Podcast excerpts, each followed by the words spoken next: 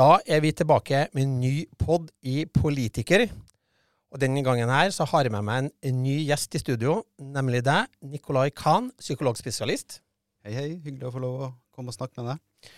Takk for det. Eh, jeg kjenner jo deg som eh, tidligere spaltist om stort og smått i Adressa. Som en klok radiogjest i Etikketaten på NRK. Men også som tidligere kollega med kona mi i konsultasjonspsykiatrien på St. Olavs hospital. Det er et langt og vanskelig navn. Hva er egentlig det? Oi. Um, kort forklart så er det jo sånn at um, jeg jobber jo i psykisk helsevern, da.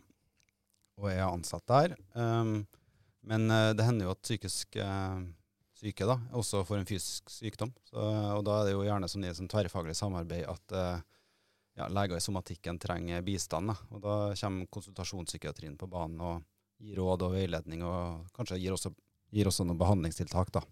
Mens folk er innlagt på et sånn fysisk sykehus, da. Ja, Så det betyr at da er dere rundt på hele sykehuset? da?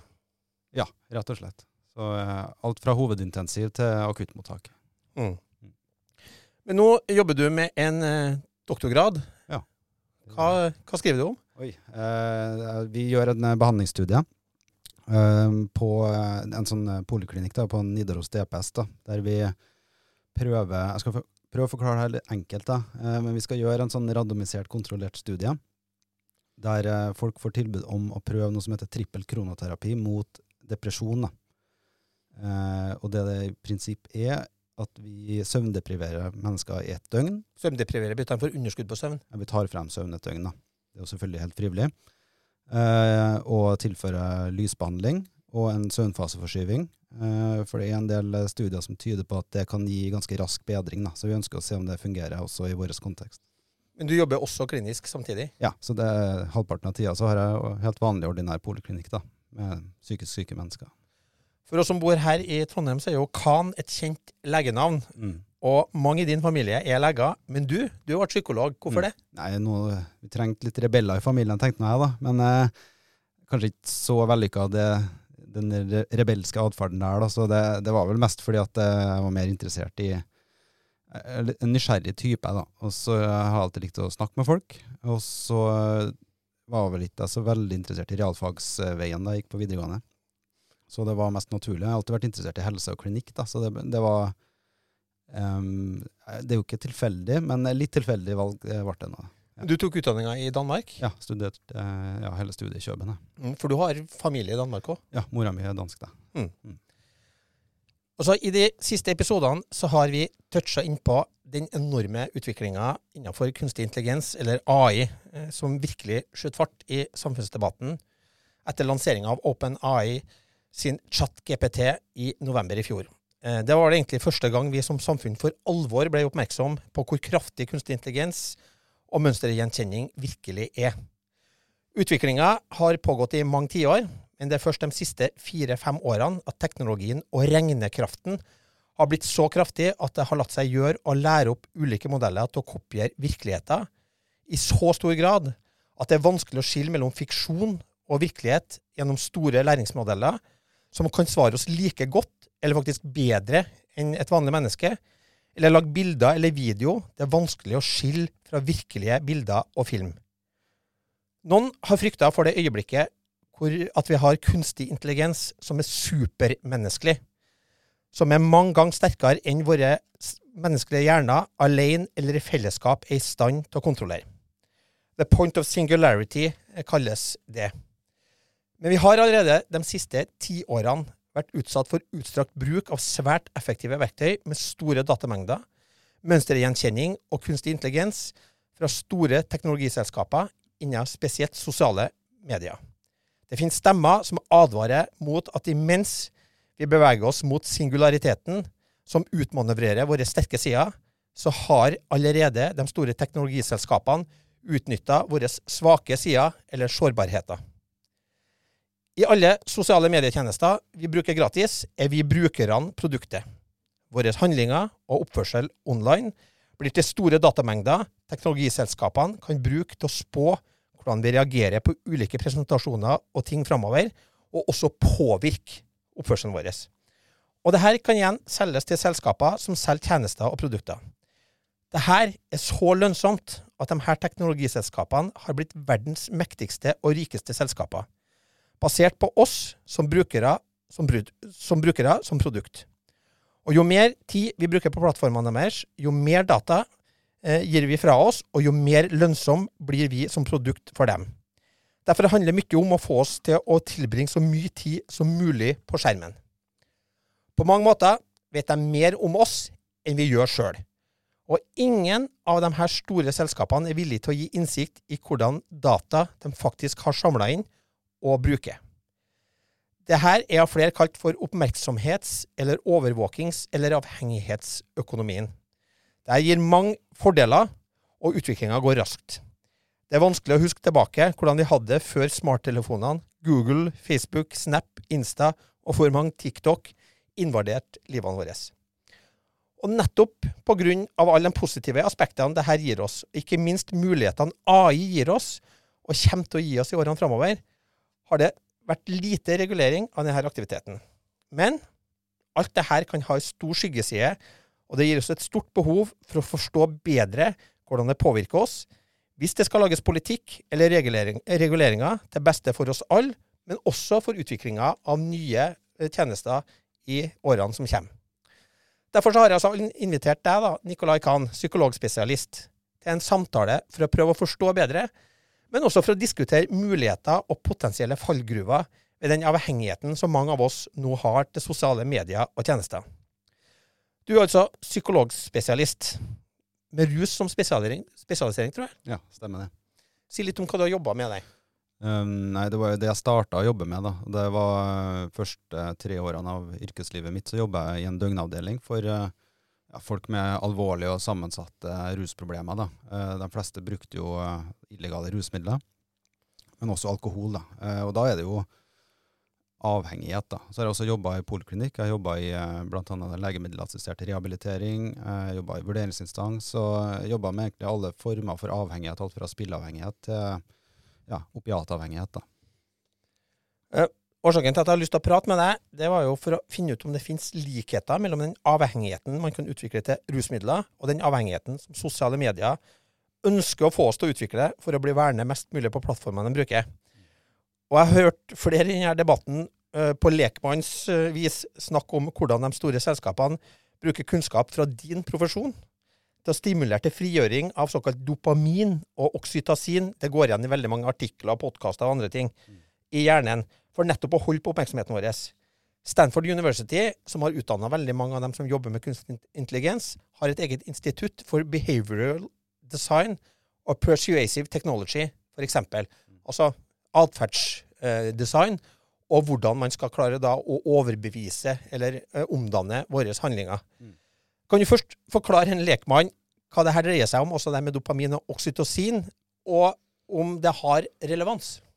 Uh, svaret er jo uh, om, jeg, om, det har relevans, er vel ja. Det, jo, det har det jo. Um, dopamin er jo en nevrotransmitter, altså et signalstoff i hjernen, uh, som det er for så vidt mer sammensatt enn at det bare er et sånn lykketransmitter. Det er også knytta til bevegelsesapparatet vårt. og Um, ja, egentlig hele pakka der. da. Oksytocin er et produkt av dopaminproduksjon. Altså Det er jo typisk når du um, Sånn velværehormon, kjærlighetshormon. Uh, når du ammer som mor, så utløses oksytocin. Så det, det er jo forbundet med sånn gledesfølelser eller velvære. Mens dopamin er litt mer sammensatt. Da. Men det du kan si i sammenhengen her, så er det jo um, belønningssystemet vårt i hjernen. da. Det som hvis du tenker læringspsykologisk og biologien bak det, så er det at du får et stimuli, og så får du en respons som utløser eh, dopamin, som gir ja, en eller annen form for eh, velvære. Da. Dopamin er jo samme som heroin stimulerer også,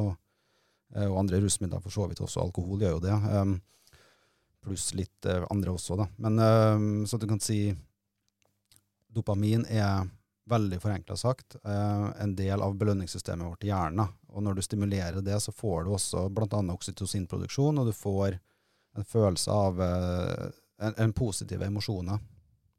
Kan du si veldig enkelt. da. Det, gjør, det, er jo noe mennesker liker å ha, stort sett. sant? Så eh, Det er ganske sånn potent virkningsmekanisme. Det er det som gir sånn cravings etter noe? Uh, ja, det er blant annet så, Cravings er jo uh, uh, For å ta det som et eksempel, da.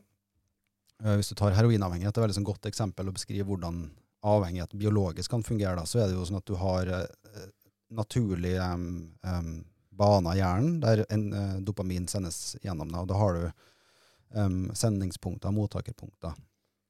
Um, og vi har jo det naturlig i kroppen vår. Sant? Det er noe vi har. Vi skal ha det. Eh, Det er viktig for oss. Eh, Du tilfører et opiat, eh, heroin i det tilfellet her, du får en vesentlig mer sånn potent stimuli. Da, utløs, altså du tilfører veldig mye mer enn det som er naturlig for deg. Over tid, for det som skjer er jo da at um, det her dopaminet sendes ut i en sånn avsendersite, og så har du noen mottakere, reseptorer, som, tar, som binder opp det her, og det, gjør, det er jo det som gjør at den første gangen du prøver ting, så får du en veldig sånn sterk, euforisk følelse. Etter hvert så prøver jo hjernen å skape en stabilitet. Den er ikke så veldig glad i store endringer, så den nedregulerer reseptorsitesen, som gjør at du trenger mer og mer for å få samme virkning. Det vil si, altså det som vi kaller toleranseutvikling. Da. Um, når du da ikke får tilført det kunstige dopaminet, så er det jo kroppens egen produksjon som du er helt avhengig av, men da er jo reseptorsitesen nedregulert, og da får du annet cravings og etter hvert abstinens. da. Ja, suget. Mm. Så Det er den biologiske varianten. av det. Så er det jo i tillegg Det som jeg er også opptatt av, er at vi har jo tanker og altså kognisjoner og tolkninger av eh, signaler fra kroppen vår og den biten her, da. Men um, sånn i ren biologisk forstand er det det som skjer. Er det, er det egentlig da sånn at alle følelser egentlig er kjemisk i bunn og grunn? Altså et resultat av kjemi i hjernen vår som enten kan forløses av opplevelser rundt oss eller i oss, altså tanker, eller ved tilførsel av stoffer i f.eks. rusmidler? Ja. du kan jo, kan jo redusere det til det, altså at det skjer noe biologisk i kroppen vår som vi da fortolker som en emosjon. Da. Um, men det er ikke så lett å presist måle hvilken emosjon du har. Så mm. du kan se ganske likt ut å være sint og glad, altså i, både hvis du måler blodtrykk og puls og det som heter galvanisk skin response, som er sånn svette i håndflatene og ledningsevne der. Og du har mange, mange fysiologiske mål du kan måle, Mm. men det er ikke så lett å måle hvilken følelse. Mm. Og så bare lyst til å gå litt videre og så spørre deg om hva er avhengighet? Altså, det er det jo sikkert også en, eh, Dere bruker sikkert diagnoser på det. Når, når blir du avhengig av noe, og når har du kontroll på noe? Mm. Eh, hvordan kommer det til uttrykk å være avhengig av noe? Ja, så eh, I klinikk da, så har vi jo, eh, har vi jo diagnosekriterier for det. Um, da tar vi utgangspunkt i um, at du har en avhengighet som er skadelig for deg. da. En, en patologisk avhengighet. og Det vil jo typisk være forbundet med flere ting. Det ene er jo at du, du har toleranseutvikling. Det vil også si at når du ikke får det, så har du cravings og sterk lyst og trang. da. En slags tvangsmessig følelse av at du må ta det. det samme, altså, hvis du snuser, slutter å snuse, så har du lyst på det, og etter hvert så får du en sånn uro når du ikke tar det. sant? Eh, det er også sånn at det får noen konsekvenser for deg, så du, du fortsetter å bruke selv om du vet at det her er negativt for deg. Så du har på en måte en rasjonell innsikt, men du klarer ikke å la være. Mm. Um, og for mange er det jo faktisk sånn det er ikke bare at de ikke vil, men de klarer ikke. Det er farlig for dem ikke gjør det òg. pluss at det får en del sånn sosiale konsekvenser for dem, uh, og en del andre faktorer. Så det det er på en måte summen av dem. da. Uh, så er det jo litt eh, Det er jo interessant, for det er jo noen som um, i sånn biologiske miljøer da, som er, tenker at du kan ikke være avhengig uten at du har nedregulering av reseptorer. Det er jo den, det jeg vil kalle en litt sånn marginalisert forståelse av det. For Mm. det der skjer jo ikke hvis du har spilleavhengighet. Da snakker vi kanskje mer om sånn atferdsavhengighet. da, Der du har en psykologisk avhengighet, som noen kaller det. Så det er sammensatt, da. Ja, for da er ikke like, det er ikke samme fysiologiske spor. altså Du kan ikke se på en måte at det er mindre kjemi, men det er, det er andre ting som gjør utløsende, da? eller? Ja, Mest sannsynlig. Men du vil jo sannsynligvis kunne se at når de spiller og de får det her eh, dopaminutløsninga, de får en eufori av det. da. Um, det, det, det tror jeg eh, Jeg har, jeg har ikke lest studier som er veldig sånn entydige på det, men det finnes det sannsynligvis, vil jeg tro. da. Men, men ikke like potent og ikke like hurtigvirkende som uh, rusmidler. da. Ja, og det er jo de belønningssystemene her som de store teknologiselskapene har brukt, bl.a. atferdsterapeuter og andre, Mm. både til å forske på, men også finne ut hvordan de skal bruke dem for å holde oss på sine flater, for de tjener penger på at vi er på de flatene. Mm. Det er sånn at når du bruker YouTube, så starter jo Der er jo, det kommer jo neste film. Det her har jeg hørt eh, folk som har jobba i Google-systemet, fortelle om hvordan de har forska fram hvordan du skal holde oppmerksomheten. Mm. Da kommer, starter neste film automatisk når du er ferdig med den, og det er jo en film som de tror du vil se, eller som de faktisk egentlig vet at du vil se. For de, de har studert så mye av atferden din. Mm. På sånne chatteprogram så er det sånne eh, Eller også på, på, på eh, SMS og sånne ting, så er det sånne blinkende prikker Mm. som gjør at du skal vente på responsen eh, eh, når det kommer. Vi har lært oss å reloade skjermen ved å trekke den ned. Mm. Så det er en habit som vi har fått oss. Ja. Eh, for da oppdaterer du, får du opp, så får du opp nye ting som skal holde deg lenger eh, på det. Eh, men så er det også en annen ting som vi kanskje ser spesielt på de unge, da, at eh, det er viktig å legge ut da eh, smørsida av seg sjøl Mm. for å få oppmerksomhet for likes. da. Eh, og da har du jo også sånne filter. Du tar selfie, og så bruker du et filter som er mye flinkere enn hva det Photoshopen som jeg vokste opp med, Mm. som gjør at du ser bedre ut. Det er kanskje hendelser fra livet ditt, opplevelser, eh, som du legger ut, og vi sjekker hele tida inn om folk liker det vi har, ja, hvordan vi ser ut, eh, det vi gjør, eller det vi opplever eller opplevd. Altså vi lager på en måte historien om oss sjøl. Mm. Og så bare lurer på, Hva tror du det gjør med sjølbildet vårt når vi hele tida legger ut smørsida i den virtuelle verden, mens vi må møte den virkelige verden sånn som vi faktisk er? Ja, det, det der er, det syns jeg er vanskelig å vite, for jeg vet jo hva det gjør med meg. da. Eh, jeg, jeg fikk jo sosiale medier da jeg var midten av 20-årene. Jeg var tidlig på Facebook, men da var det ikke noen liker-knapp. Da var det jo et sosialt nettverk først og fremst, og så har det jo endra seg ganske mye det der. da. Så når du får Instagram i tillegg, så um, Der merker du kanskje mer. Det er mye mer sånn direkte. Du får en liker-knapp. Men, men jeg tror ikke jeg alltid hadde en sånn personlig, i hvert fall litt mer sånn Ja, det her er viktig i verden, da. Men etter hvert så blir det jo jo visse bilder jeg legger ut. Um, kanskje ikke så mye med filter på, men uh, jeg, legger ut mye fiskebilder, da, for jeg er glad i fisk.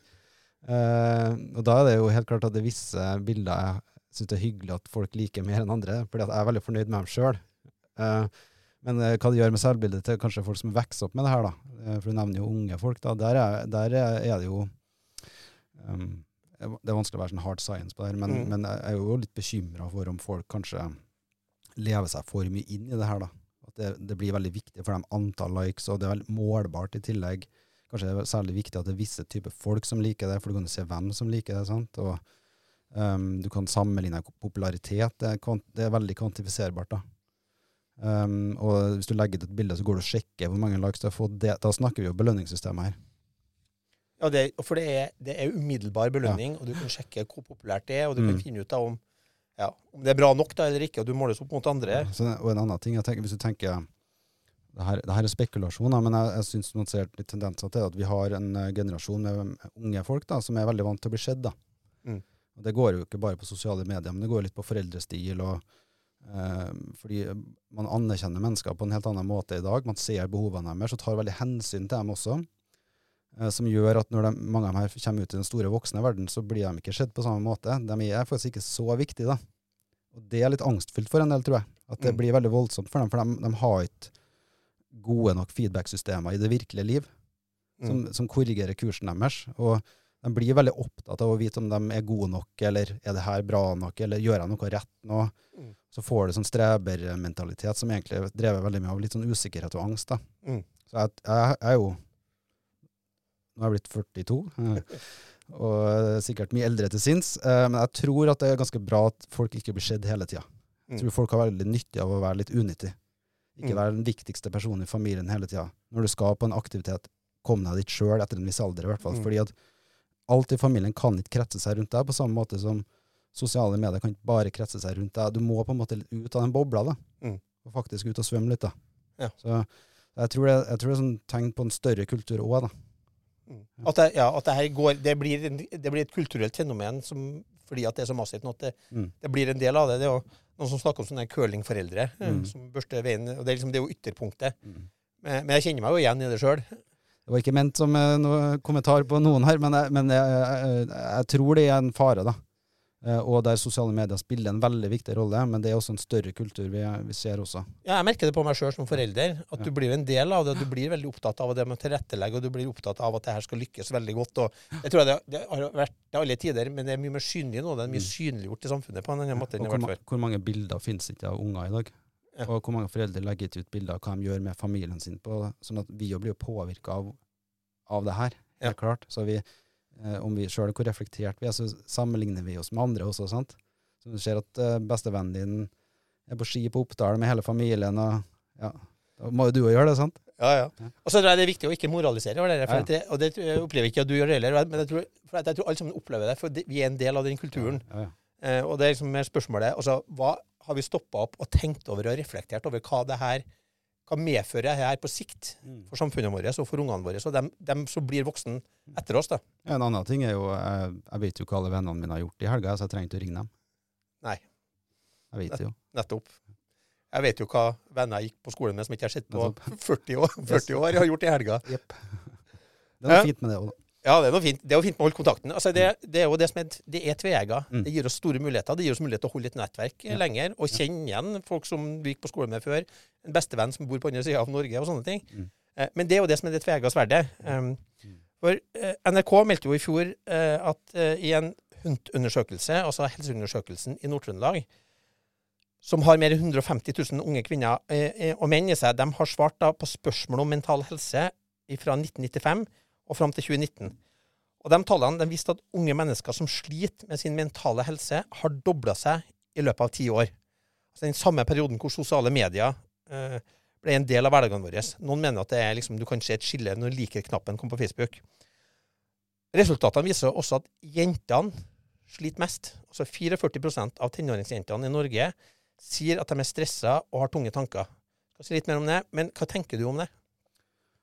Um, jeg syns det er farlig å si at folk sine problemer ikke er gyldige, men um, jeg, jeg jobber jo med psykisk sykdom, altså psykisk lidelse, der det får en sånn funksjonsvansker som følge av det. Uh, og at folk opplever et ubehag. Det kan godt være at de rapporterer det pga. hvordan spørsmålene er stilt også. Uh, og at terskelen for å svare det er noe annet enn det var tidligere også. Da. Mm. Altså, jeg syns det er høyt. Ja, for det som jeg har tenkt på, det at jeg tror kanskje det er tvega. Jeg tror nok at de her algoritmene og det at du skal synliggjøre smørsida hele tida, at det er viktig hvordan du ser ut, og at det etter hvert blir en sånn eh, kontrast mellom hvem du egentlig er, og hva du framstiller deg som det er, spesielt i de formative Ja. ungdomsårene, hvor det er veldig viktig å være likt. Mm.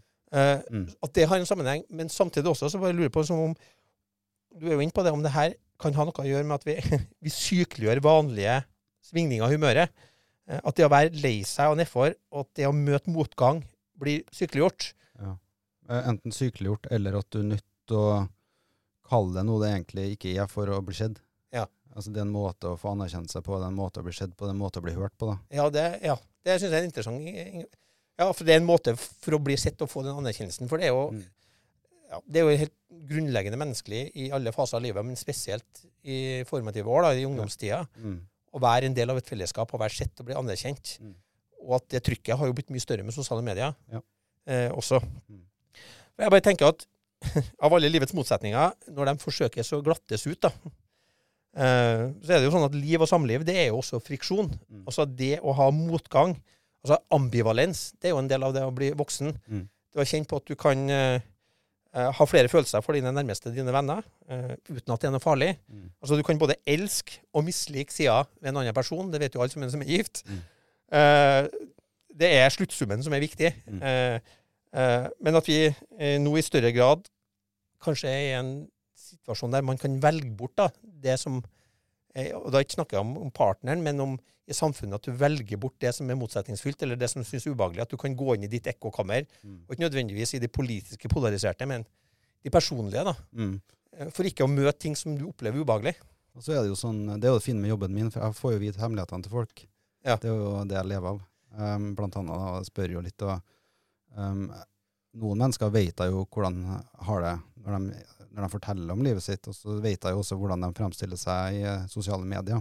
Mm. Uh, og det er veldig stor forskjell ofte. Det tror jeg det er for oss alle. Ja, det, det håper jeg, da. Jeg tror kanskje dem du jobber med der, er kanskje avstanden enda større? det er ekstreme forskjeller. Nettopp. Nettopp, sånn at, det, at jeg kan se på um, der de har visst meg. da. Jeg, Mm. jeg snakker med dem av og til om hvordan de fremstiller det her, for det er ofte et litt sånn vanskelig tema.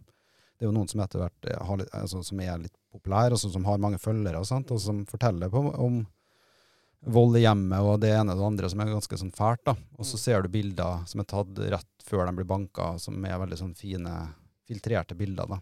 Som er egentlig levebrødet deres, kanskje. sant? Mm. Eller i hvert fall en del av det. da. Og det, det er jo Det gjør i hvert fall at sånn fanta, For meg er det sånn fantasivirkeligheter egentlig vi snakker om. Men, men det, folk vet jo ikke det her. Folk har vanskeligheter for å tro på sånne ting òg. Fordi at det, det, er så fjernt for folk, men det er jo noe som faktisk skjer i veldig mange hjem, dessverre. Men Kan det også være en form for terapi for dem? Altså at det her er en plass du kan rømme inn? Ja? Jeg tror ikke det, da. Uh, jeg, jeg, jeg, klarer ikke helt å se hvordan de bildene de legger ut og får likes på, egentlig gjør dem noe friskere.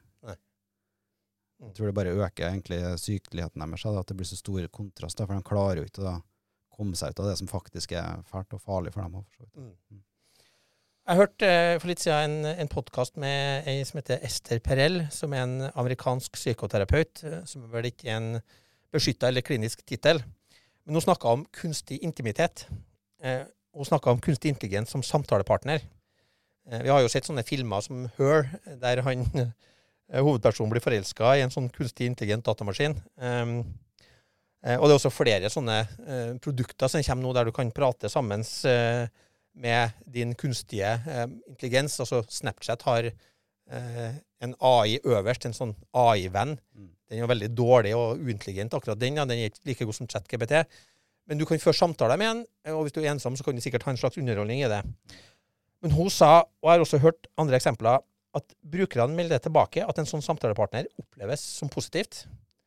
Den er lite dømmende. Den er veldig tålmodig. Og med de nye språkmodellene så kan den gi meningsfulle samtaler. For den oppfølger den husker hva du har sagt, og den, du er i det. Likevel så sier hun da at undersøkelsene viser, eh, og det kan sikkert du også bekrefte, at kvaliteten ikke blir det samme som ved menneskelige møter i terapi eller da i normal sosial sammenhenger, men at det faktisk senker forventningene til hva du skal være fornøyd med. Og hun advarer mot det, eh, for hun sier liksom at hvis vi tar til takke med mindre enn vi trenger, i hvert fall hvis det erstatter da menneskemøter med øyekontakt, eller da, eh, hudkontakt i kjærlige møter, eh, så vil det sannsynligvis ha gitt utslag på et eller annet tidspunkt. Og Det viser også undersøkelser som, vis, som viser at færre ungdommer går på date i løpet av ungdomstida, eh, uten at jeg vet om det er rett. Mm. Men det er noe med altså at hvis vi senker forventningene, vi tar til takke med altså som det hun kaller kunstig intimitet, så har det også eh, ja, det har, Vi kan bli syke av det, mener hun, da. Mm. Du nevnte uh, noe med at hun uh, nevnte noen studier som viser at kvaliteten reduseres. Jeg er jo litt spent på, eller nysgjerrig på hvordan de har målt det her. Da. Det er jo mer forskeren i meg. men... Jeg tror det var det som terapeut hun sa ja, at hun vet ja. en helt annen kvalitet på en som har hatt en samtale om sin depresjon med en ja. kunstig intelligens, mm. har dårligere resultater enn når hun møter mm. terapeuten. Jeg har lest studier som sier det motsatte, faktisk. Ah, ja, Det er spennende. Mm. Så, I hvert fall på det, der du følger skjematiske terapier da, for depresjon, f.eks. At det kan være like nyttig med en uh, AI-generert uh, samtale. Da. Men, men, men bare for mm. å forstå det, da, da er det sånn at da kobler du deg opp, og så prater du med mm. sånn der, et AI-program mm. som stiller deg spørsmål og oppfølgingsspørsmål. Ja, og du forteller hva du sliter med. Men det blir jo veldig symptomfokusert ofte. Men, mm. men jeg har ikke prøvd det sjøl, men jeg tror, det, jeg tror ikke det trenger å være helt gærent, det, altså. men det, det, som du også nevner, er jo sånn interaksjon generelt, kjærlighet og intimitet. For, det, for meg er det noe annet enn terapi også. Ja. Vi driver ikke berører så mye. Og, nei, heldigvis. nei, vi har jo ikke lov til det, sant. Og eh, det er bra. Uh, uh, men, men, hvis vi snakker på en måte med personlige, private relasjoner som ikke er profesjonelle, mm. så er det, jo, det er jo på en måte noe helt annet. Uh, og nå blir det jo mer inntrykket mitt ut fra det jeg hører mm. når jeg snakker med folk. Da. Men folk så ikke bare unge folk òg, men generelt så er dating endra veldig i dag. da, Fordi at du har såpass mange andre kanaler å snakke med folk som er lettere å gjøre. da. Og det har jo også vært veldig bra for mange med mye sosiale utfordringer. sant? Sosiale angst og sånn, At du kan komme i kontakt med folk på en annen måte. Mm. Det er jo derfor folk gjør det. Ja, nettopp. Du får faktisk eh, dialog med folk. Eh, problemet oppstår hvis du ikke møter folk. Altså Hvis du ikke faktisk tar steget ut. Hvis det blir sånn som man i filmen Her, at du ja. da mm. At du blir sammen med datamaskiner? Ja, det blir et problem. Men eh, hvis det sitter et annet menneske, og du chatter med et faktisk mm. annet menneske, så er det jo muligheter for å faktisk få noe connection. Så det er jo det som er med sånn her teknologi, som vi har sagt før òg, at det er ganske sånn eh, Det er mye positivt med det, da. Mm. Og du kan få ganske mye altså belønningsmekanismer inn, dopamin og oksytocin av å ha de her chatsene. Som er sunt for oss? Absolutt. Mm. Det er det. Og det um, Ja, som, som, folk liker, da. Mm. Og som gir form for velvære. men hvis du tenker kjærlighet som en relasjon som skal bli en eller annen form for familie og reproduksjon, så må man jo kanskje møtes, da. ja. Ja. ja. interessant. For det har jo også vært litt sånn diskusjon på foreldre som er redd for at uh, ungene sitter for mye og spiller. Mm. Og så tror de at de blir, de blir skikkelig usosiale. Og, og, så viser det seg egentlig at det er et stort sosialt fellesskap. Mm. Det var jo veldig bra den boka som han, Robert Steen skrev om sønnen sin. Mm. Eh, som døde da. eh, Men så trodde de visste ikke Han satt mye og spilte. Han hadde vel en slags sykdom som gjorde at han ikke var så mobil. Mm.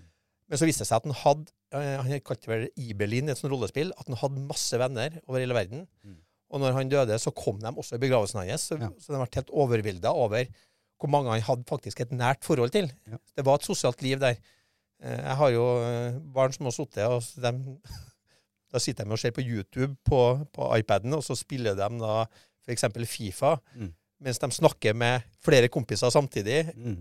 De trenger ikke engang å spille sammen, men de kan snakke sammen om det de spiller hver for seg. Ja. Og noen ganger spiller de sammen i sånne her rollespill. Mm. Så det er jo et sosialt fellesskap rundt det også. Ja, jeg, har jo prøvd sånn Jeg, jeg har gama litt, jeg òg, vet du. Eh, Da har du sånn Discord-chat-kanaler mens du spiller, da. Eh, Det er jo som å sitte i rom med dem. Ja. Sitte og prate med folk. Det er jo, jeg, jeg koser meg med det, altså, jeg må innrømme det. Altså, så er det jo klart, Jeg møter jo mye folk ellers òg. Men, men eh, det er ikke sånn at jeg tror det er så veldig skadelig for folk, det. altså. Nei, jeg tror, jeg tror at eh, det er også et sånn generasjonsutfordring. Ja.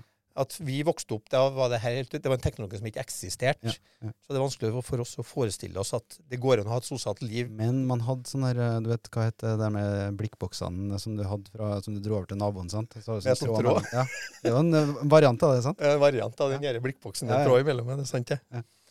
Eh, og så I den podkasten her, i Politiker, så har jeg og Amund Vik, som da er min partner på podkasten, vi har snakka om at vi ikke helt vet hvordan det her store sosiale eksperimentet, hvor vi i stadig større grad har overlatt barn og unge til teknologigigantene sine algoritmer, eh, kommer til å ende.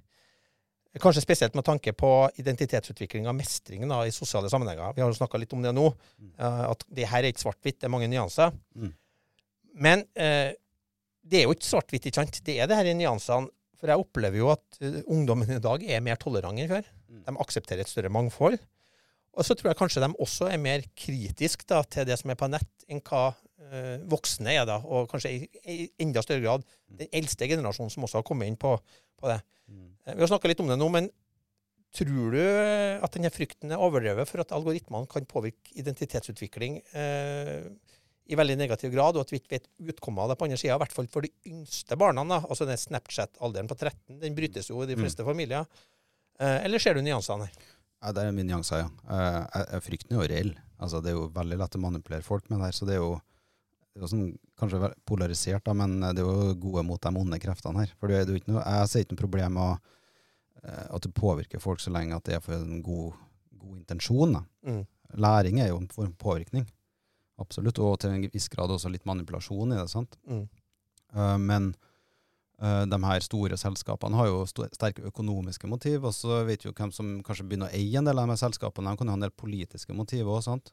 Det er jo eh, kanskje der det jeg tenker, En ting er identitetsutvikling, og den, den dannes jo heldigvis også i samspill med foreldre og familie. og Mm. ja, det, Vi er jo ikke blackbox ennå, heldigvis. Men uh, mer som politisk påvirkning og samfunnsmessige uh, strukturer, der er jeg mer bekymra. Mm. Fordi noen som sier at det de, det de tar, de tar frykten vår. Mm. Så kan jo algori- algoritmer da, forsterke det. Og når jeg snakka om dere, eh, Stanford sin, sin Behavioral Design Lab, så er den også persuasive. Mm. For at det de egentlig gjør, de er jo også ute etter å endre oss. Først og fremst ut fra kommersielle hensyn, men de samme teknikkene kan jo også brukes eh, politisk. Mm. Altså det er altså 19% eller 17% av USAs befolkning som tror på disse QAnon-konspirasjonene, Mm. som er så elleville at de mener at Hillary Clinton da holder barn fanga i en pizzakjeller og misbruker dem, Mm. og suger blod ifra dem. Mm. Eh, og det er jo fordi at de har ramla opp i ei gryte der all motforestillinga er borte, og det forsterkes hele tida av, eh, av sterke krefter som ønsker å bygge den polarisering. Eh, og så hjelper også av, av Russland og andre som da Mm. ikke har meninger om hva som er galt og bra, men som ønsker polariseringa. For polarisering er destabiliserende på samfunnet. Ja. Ja, det, er det er jo nettopp det. det er jo, unge folk er jo dem som skal det her videre. og Hvis man tenker strategisk, så er jo det veldig lurt å påvirke algoritmene til de her ungene. Mm. Det er det. Så jeg er jo, Nå har ikke jeg barn, så det er lett for meg å stå og synes om foreldreskap. Jeg vet hvor vanskelig det her kan være. Jeg har stor respekt for det. da. Det håper jeg alle skjønner. Men jeg er veldig skeptisk til at eh, barn skal ha mobiltelefon før de er 16. Min opplevelse er jo at den som eh, først bryter sammen på det, er foreldrene i behovet i en travel hverdag for å få tak i ungene. Så når telefonen blir konfiskert på skolen for ulovlig bruk, så er det foreldrene som er mest stressa, for de finner ikke Ja. ungene sine. Ja, jeg skjønner jo det. Og så er det jo, man kan jo sette GPS-tracking på dem. Det er sånn jeg har på bikkja mi. Ja. Altså, hvorfor trenger vi det? Det er jo, det, samfunnet vårt er endra, og det er mange fordeler med det. Ja, vi hadde fasttelefon, og ingen visste hvor jeg gikk hen. Ja, vi gjorde avtaler. Mm. Uh, men, men eh, det er jo ikke telefonen som er problemet, men det er jo innholdet i dem. Og du vet jo hvor mye mobbing og sånt som foregår, og vi har ikke kontroll i det hele tatt. Og du kan tro du har det. Jeg vet av så mange eksempler det. Og det er jo gjennom jobben min. Og, Mm. ja. Ganske alvorlig mobbehistorikk, som, der konsekvensen er at de får en samtale med noen, de som har utøvd mobbing. Og det kan være bra, men ta dere telefonen, da. Mm. Det gjør man jo nesten ikke i dag, for det er et overgrep, nesten. sant? Og det, det bekymrer meg at vi tenker, da. Mm. Så, um, Men igjen, da, der er vi jo sånn overveldet av samfunnsutviklinga og teknologien. Og vi har jo mange har snakka bitt om regulering i Norge. mm, Nå er det en diskusjon mellom Datatilsynet og Facebook i Norge. Ja. Men det er klart at for Facebook så tar jo dem, eh, koster jo ikke dem en kalori å eh, sette en strek over Norge og ødelegge de inntektsmodellene som Nei. mange norske selskaper har på Facebook, mm. for å kjøre det her videre i land som ikke regulerer på den samme måten. ikke sant? Det er nok sånn, ja. Så er det jo sånn at AI gir også mange muligheter. Mm. Altså Mønstergjenkjenning og nye teknologier gir åpenbart muligheter for framskritt. Eh, eh, det er jo eh, kanskje det som også er den viktig, blant de viktigste drivkreftene for utviklinga. Ja. At du får stadig bedre metoder som også kan misbrukes, fordi at det er for the sake for the common good. Um, og Jeg har så både lest og hørt om forskere, selskaper og andre som nå utvikler metoder for tidligere diagnostisering, Mm. som igjen kan gi dere som behandlere da, eh, forsprang på sykdomsutvikling eh, med tidligere, mer effektiv og treffsikker behandling, som bedrer prognosene på en rekke nevrologiske sykdommer, men sikkert også andre. Mm. Eh, Det gjør at flere kan bli friske, og at flere kan fanges opp, og dere kan få behandla flere ved hjelp av de her eh, systemene. Mm. Altså, teknologi for eksempel, som er utvikla for ansiktsgjenkjenning, og læringsmodeller mata med data som kan gjenkjenne mikrobevegelser eh, med øynene våre. For de filmer jo oss med kamera på mobiltelefonen og datamaskinene som har det. Mm. Eh, som eh, kan se på oppmerksomheten vår. Lyd, bevegelser, kanskje i kombinasjon med andre sensorer. Det utvikles jo bl.a. for sikkerhetssystemer i bil. Mm. Og når de er utvikla, så kan du ta dem i bruk på andre områder. Mm. Eh, sånn at man kan identifisere eh, f.eks. Sykdomsutvikling tidligere. Mm. Jeg hørte en som begeistra snakka om eh, i et selskap som heter iMotion, eh, at man kunne installere ved kamera i bilen, så kunne man, i og med at man tilbrakte så mye tid i bilen, så kunne man avdekke Parkinson tidligere. Mm. Som, er, som bare høres ut som en bra tanke, men også en ganske farlig tanke knytta til Mm. overvåking. Mm. Eh, for det kunne jo sikkert også selges. Mm. Eh, mange håper at vi kan løse kreftgåta eh, og kartlegginga av det Google DeepMind har gjort gjennom AlphaFold sin, av tredimensjonale proteinstruktører, kan jo hjelpe oss med å forstå kjente sykdommer. Og ikke minst bidra til å utvikle medisiner på flere områder. Mm. Fordi at vi, vi forstår ting vi aldri før har forstått, og som vi ha brukt mange tiår på å kunne avdekke sjøl. Mm. Tror du sånne teknologiske framskritt kan bidra til f.eks. det å kunne gjenkjenne f.eks. Parkinson, Alzheimer eller ADHD eller andre psykologiske tilstander tidligere, Mm. sånn at man kan bedre prognosene eller få hjelp tidligere? Eh, Ja, det tror jeg. Helt klart. Det er jo um, Sånn som jeg har forstått det her, nå er jeg jo ikke ekspert på AI, da, bare for å understreke det, men jeg kjenner jo litt eh, potensielle positive effekter, i, i hvert fall innenfor mitt felt. da. Eh, og i hvert fall innenfor psykiatri så er det jo symptombasert diagnostikk vi driver på med. Mm. Ja, hva betyr det? Det betyr at vi har ikke noe objektive mål for sykdom. Så vi, vi, Det er summen av symptomer som gir en diagnose. og Hvis du ser på depresjon, så tror jeg det Hvis du, hvis du tar alle symptomene og eh, matematisk beregner, så tror jeg du kan ha 14 000 og et eller annet ulike symptomsammensetninger og likevel få diagnosen. Så det sier jo både noe om hvor presise de nåværende diagnosene er. De er ikke så veldig presise. Eh, og det andre sier også noe om eh, at ingen depresjon er lik. Mm. Og det tredje sier jo også noe om eh, kanskje vi burde hatt mer persontilpassa behandling. Mm.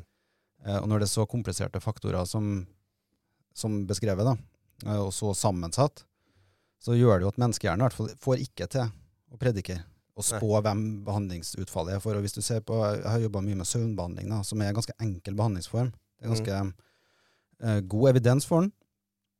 Og diagnosekriteriene er ganske greie, men de er fortsatt ganske uspesifikke. Cirka, jeg tror Det er litt forskjellige tall, men er ganske, ganske betydelig andel. da. En av fireren sånn, har ikke noe særlig respons på behandlinga. Mm. Men vi klarer ikke å predikere på forhånd hvem det er. Sjøl hvor erfaren kliniker det er. Og det er gjort masse studier på der du spør klinikere tror du den personen kommer til å ha nytte av behandlinga eller ikke, ja eller nei. Og vi har masse gode ideer om hvorfor, men vi treffer aldri. Uansett erfaringer. Vi har gjort det her mye, altså. Um, der kan jo AI kanskje være god. Ja, for AI ville jo kunne ha sett tusenvis Nettopp. av sånne og kunne finne et mønster. Ja. Og ikke nødvendigvis sånn at vi klarer å forstå hva mønsteret den har funnet er. Mm. For det er jo en sånn black box-tematikk at uh, når du kommer ned i de nevrale nettverkene, så Mm. klarer ikke å oversette menneskespråk, Nei. de løsningene som AI finner, men de kan finne løsninger. Ja, det er så komplisert, så vi klarer ikke sjøl. Mm. Og jo mer input vi klarer å gi de modellene her, jo bedre blir det. Mm. Um, så det er jo et håp vi har. Mm. Det kan jo overføres til bl.a. depresjonsbehandling, kanskje. Og Mm. kanskje det kan også bidra til å forstå diagnostikken bedre også. Hva er egentlig en depresjon, og hva det ikke er. Mm. For nå så vet vi for lite om det. Så der har jeg jo ganske store håp Mm. eh, om at uh, innenfor ganske få tiår har gitt- gitt oss ganske mye mer kunnskap enn det vi har i dag. Altså. Mm. Og det er jo litt sånn som man kanskje sa om når man begynte å få FMRI-bilder, altså magnetisk resonansbilder, og Mm. at man skjønner mer, men vi er jo fortsatt ikke kommet dit. da. Så kanskje det her er en annen måte å forstå sammenhenger på, og kanskje sile mer på hva eh, dårlige perioder og, og sykdomsdepresjoner er. da. Mm. For det er litt forskjell, sannsynligvis. Ja, og da er det er vel sikkert noen av disse sykdommene, som f.eks. Parkinson og andre, Mm. som gir bedre prognoser hvis du oppdager det tidligere, Mm. og kan gi medisinsk behandling tidligere også. Ja, det er ganske viktig. I eh, mange nevrologiske sykdommer, men ganske mange sykdommer generelt, Ja. jo tidligere du kommer inn og stopper en sykdomsutvikling, jo større, bedre prognoser har du da. Ja. Det gjelder jo også innenfor psykisk eh, helsevern. det. Ja, og da kommer du jo til det tveegga sverdet igjen. da. Mm. At når du utvikler da det her kunnskapen, så er det jo Reguleringa må jo komme da på at ingen selger da det her For hvis du da begynner med online-intervju av folk til, til en jobb, da, så kan man jo da, hvis noen har den kunnskapen her, da, sile ut dem som du mener da står i fare for å utvikle en psykisk sykdom. Mm. Eh, og det kan jo skyldes at de har en, vært på byen dagen før, skal du si, Mm. eller har hatt en livshendelse. Mm. Eh, så du får en veldig urettferdig siling. Eh, så de vant etter skottene, da, for at du får du leter nå etter å optimalisere det å kunne behandle sykdom, som er veldig bra. Mm. Men det kan misbrukes til en annen hvis vi ikke klarer å finne en regulering som holder vanntette skott bare her. da. Ja, og sånn som jeg øh, snakka med noen ingeniører som jobber mer med det her, da, det er noe mulig jeg tar feil, men jeg tror det stemmer, Mm. er jo at i hvert fall innenfor behandlingsforskning så må du jo publisere funnene dine. Ja. Du kan ikke ha, um, du kan ikke ha oppskriften din skjult. Den må jo, hvis du jobber i seriøs forskning, så må du faktisk publisere det her. Nettopp. Men da kan du reverse engineere det, så faktisk identifisere enkeltpersoner. Ja, ja. Gjennom at du har så Mm. store modeller at du kan gjøre det. ikke sant? Ja, så du kan, det er en personvernutfordring i det, Ja. når du publiserer. Nettopp. Så um, det er noe med kunsten å få nok, in få nok input, men gjør det generelt nok til at du ikke klarer å identifisere. Og da er spørsmålet hvor gode modellene blir. igjen, sant? Ja. Vi, jo, vi er jo opptatt av eh, kjønn og alder og BMI og vekt, og bare der har du jo ganske Nettopp. Og så med, med, med wearables, nettopp. som vi har på oss Mm. for å sjekke pulsen når vi er ute og trener, eller Mm. på andre måter. Mm. eh, så vil jo dette altså på en måte kunne fanges opp av noen som, Ja. som ser ting i sammenheng. Ja. Og det kan jo brukes da eh, En ting er det Ytterpunktet er jo til manipulering, men det andre er jo da til å selge ting. da. Ja, det er vel sånn det brukes mest, ikke Ja, det er jo et selskap som heter Affektiva, som driver med sånne eh, eh, emosjonsgjenkjenning med, med bilder på blikk og sånne ting. mm. Eh, og de største kundene til det er reklamebyrå. Mm. Fordi at de da kan forutsi. Mm. Så gjør de det på, på lukka grupper, da, som vet hva de gjør. Men du, ja, jeg er ikke så trygg på at ikke de bruker kamera på mobiltelefonen min. Mm. Det er jo 700 meter med sånn tekst som du, du godkjenner når du skal Ja. installere noe nytt. Mm. Eh, og jeg har også hørt at eh, Apple har søkt om eh, en sånn AirPod Mm. som da som kan ta um, biometriske data. Eh, og da kan du vel også finne ut hvordan, hvordan musikk du syns er bra og dårlig, og hva du hører på podkaster osv. Absolutt. Ja. Eh, og det er jo kanskje litt utviklinga at mye drives av de her teknologiselskapene Mm. som holder skjult hvordan data de har samla, Mm. og hvordan de bruker det. Mm. Eh, For sensorteknologi blir så billig at det er lett å, å måle mye på, på sikt. Ja. Men igjen, da, tveegga, fordi at det gir muligheter til å, til å løse store sykdomsutfordringer i, i befolkninga. Det gjør det. Eh, det har vært veldig eh, interessant. Eh, det er et tema som det er vanskelig å bli klok på, og jeg tror ikke det finnes noe svar. Er veldig bra at du kommer fram med nyansene, Mm. for det tror jeg er det viktigste her. Det er ikke svart-hvitt, det er nyanser, og derfor gjør det også krevende å Mm. finne ut hvordan vi som samfunn skal håndtere dette. Ikke minst fordi at de som leder an i det her kappløpet, de er amerikanske selskapene. amerikansk lovgivning. Mm. Eh, og de har teknologien, og det er vanskelig å regulere ting du ikke har kontroll på teknologiutviklinga på, Mm. sånn som i Norge og Europa, for så vidt. Mm. Eh, men til slutt så må vi jo, du var jo så vidt innpå det, så må jeg jo spørre deg om den hobbyen du har, da. Ja. Eh, nemlig fiske. Ja. Eh, og det er jo ikke storlaksen eller juletorsken eh, du er på jakt etter. Du driver med artsfiske. Ja. Hva er det for noe? Ja, det er en lang podkast, men den korte versjonen er at jeg jakter arter i norsk farvann. Eh, Fanga på stang som skal krokes i munnen. da. Det det, og da, Å ja, det, det er spesielle kriterier, altså. ja, ja, Du kan ikke ta den på garn, liksom. Eller trål. Nei, nei, nei. Det må, du må ta ditt agn. Den må ha kroka rett i munnen, så det vil si den kroka innenfra og ut, ikke utenfra. Så hvis du krøker en i ryggen og får opp en sjelden art, så teller den ikke på Det har jeg gjort. Jeg, jeg dro helt til Finnmark opp utafor Nordkapp og krøka den arten jeg var ute etter. Det var ikke med vilje, og da, da teller ikke det. Da måtte jeg tilbake senere. Så den, det var faktisk en gråsteinbit, og den tror jeg kosta meg 60 000 å få til slutt. Det er et hardt miljø. ja, det er, et veldig hardt, hardt liv. Men der, er jo også, der utvikles det jo eh, mønstergjenkjenning og apper da, som kan hjelpe folk med artsidentifisere. Ja, For du må jo vite hva du har fått hvis du får noe som Mm. du aldri har sett før. skal du si. Ja, Så der er det jo igjen eh, De er ganske gode på vanlige arter, fordi der er det mange inputs, men de er ikke så veldig gode på nordlig tangbrosme og eh, arter som er tatt under 50 av i historien. da. Ja. Artsdatabanken har jo en sånn eh, app som du kan bruke til sånn gjenkjenning. og ja, Den er litt treffsikker, ikke veldig treffsikker. Mm. Den er veldig artig sosialt lag da, hvis du tar bilde av folk du sitter sammen med. Yes, yes. Og Da får du mye artige forslag til hvordan art du har foran deg. Jeg er en oter ifølge den. Ja, det er Ja, greit. Jeg har fått et træslag, tror jeg, en gang jeg var, Ja, var et sosialt lag eh, med den. Men eh, Mm. hvor mange arter er du oppi nå? Nå er jeg på 101 101 arter ja, i norsk farvann. da. Norsk farvann. Hva var den litt hundrede arten? da? Den 100 var en skjellbråsme. Skjellbråsme. Mm. Og den, et, mye av det er tatt i Trøndelag. Det er jo, jeg har en egen Trøndelag-liste, da, så det er litt viktig. Eh, Ja. Og egen Trondheimsfjordliste i tillegg. Ja, Trondheimsfjorden er jo en ganske djup fjord med en del arter, vil jeg tro. Trondheimsfjorden er kjempespennende. Veldig spennende og stor forskjell på eh, Steinkjer og Trondheim blant annet. Uh, og helt ut til Agdenes. Det er jo kjempestor variasjon. da. Så alle som hører på som er fra Trøndelag, bør jo ut og prøve det her, for det er jævlig spennende, for å unnskylde banne. Uh, og det er en av de få tingene som gjør at jeg kan få adrenalinkick i livet. da. Så den, eh, den skjellbrosma jeg fikk, den var ikke veldig stor, men den lever, for å si litt kort om den arten. Ja. Det er en dypvannsart. Den er veldig stedbundet, så den flytter ikke seg mye. Nydelig matfisk. Um, bor dypt. Uh, og i og med at den er stedbundet, så må du ha eksakt lokasjon. Ah, ja. Så det vi gjorde, um, for det er jo ikke så lett å få lokasjoner av folk innenfor fiskemiljøet, um, så vi gikk inn på Artsdatabanken, da, så vi på registreringa i et område vi skulle til, og så så vi der er det tatt skjellbrosme. Og så så vi presisjonen på den, det var ganske sånn bred margin, så det var vanskelig å finne lokasjonen. da. Vi hadde noen kvalifiserte teorier, men, vi visste jo egentlig ikke, så det blir jo litt blindt. Så det vi gjorde, at vi fant ut hvem som hadde registrert den. Og vi hadde noen eldre fisker som hadde registrert den for 20 år siden. Så vi ringte han, da. Og da fikk vi plassen. Ja. Og så var vi tre stykker, fikk den. Her er rett og slett skattejakt. Rett og slett skattejakt. Det er Pokémon for voksne, sant. Og uh, utrolig artig. Uh, og så er det jo det fine med det at du kommer deg ut, uh, og så oppdager du landet ditt på en helt annen måte. Altså Jeg har sittet alene i en båt utafor Nordkapp mens folk står oppe på platået, og jeg sitter fast i bånn og prøver å fiske kveite. Og jeg har sittet på en strand i Mandal alene i 14 timer i strekk for å få en dvergfjesing, og jeg fikk en til slutt, og det er like glad som, eh, som når jeg får en stor fisk òg. Så det, det er veldig, veldig sært, da, men artig. Ja, veldig artig, og jeg er enig. Veldig sært. Mm. Det er jo ikke en spiss, mm. spiss hobby. Eh, men hva er det, catch and release, eller må du spise fiskene fiskene får? Begge deler. Begge deler. Begge deler. Hvis de eh, ikke har matverdi Mm. og tåler å bli satt ut, og de er behandla pent, da kan jeg sette dem ut. Men Ja. eh, jeg er opptatt av dyrevelferden i det. Fisking vil alltid være litt dyreplaging, men Mm. eh, spise det som går an, ja. Jeg har sett noen er så små at de ville ha tatt veldig fort. Den minste jeg har fått, leirkutling av 0,1 gram. Den uh, gikk ut igjen. Tusen takk, eh, Mm. Nikolai Khan, for en eh, veldig interessant eh, samtale om et stort tema. Det er litt ambisiøst å gå løs på dette temaet. Jeg tror det blir viktig politisk tema i årene som kommer, fordi læringsmodellene, eh, kunstig intelligens, kommer til å bre om seg. Det kommer til å stille oss opp i store, vanskelige spørsmål og dilemmaer. Det kommer til å gi oss enorme muligheter til å løse politiske utfordringer og samfunnsutfordringer som vi har, som dette kan hjelpe oss til.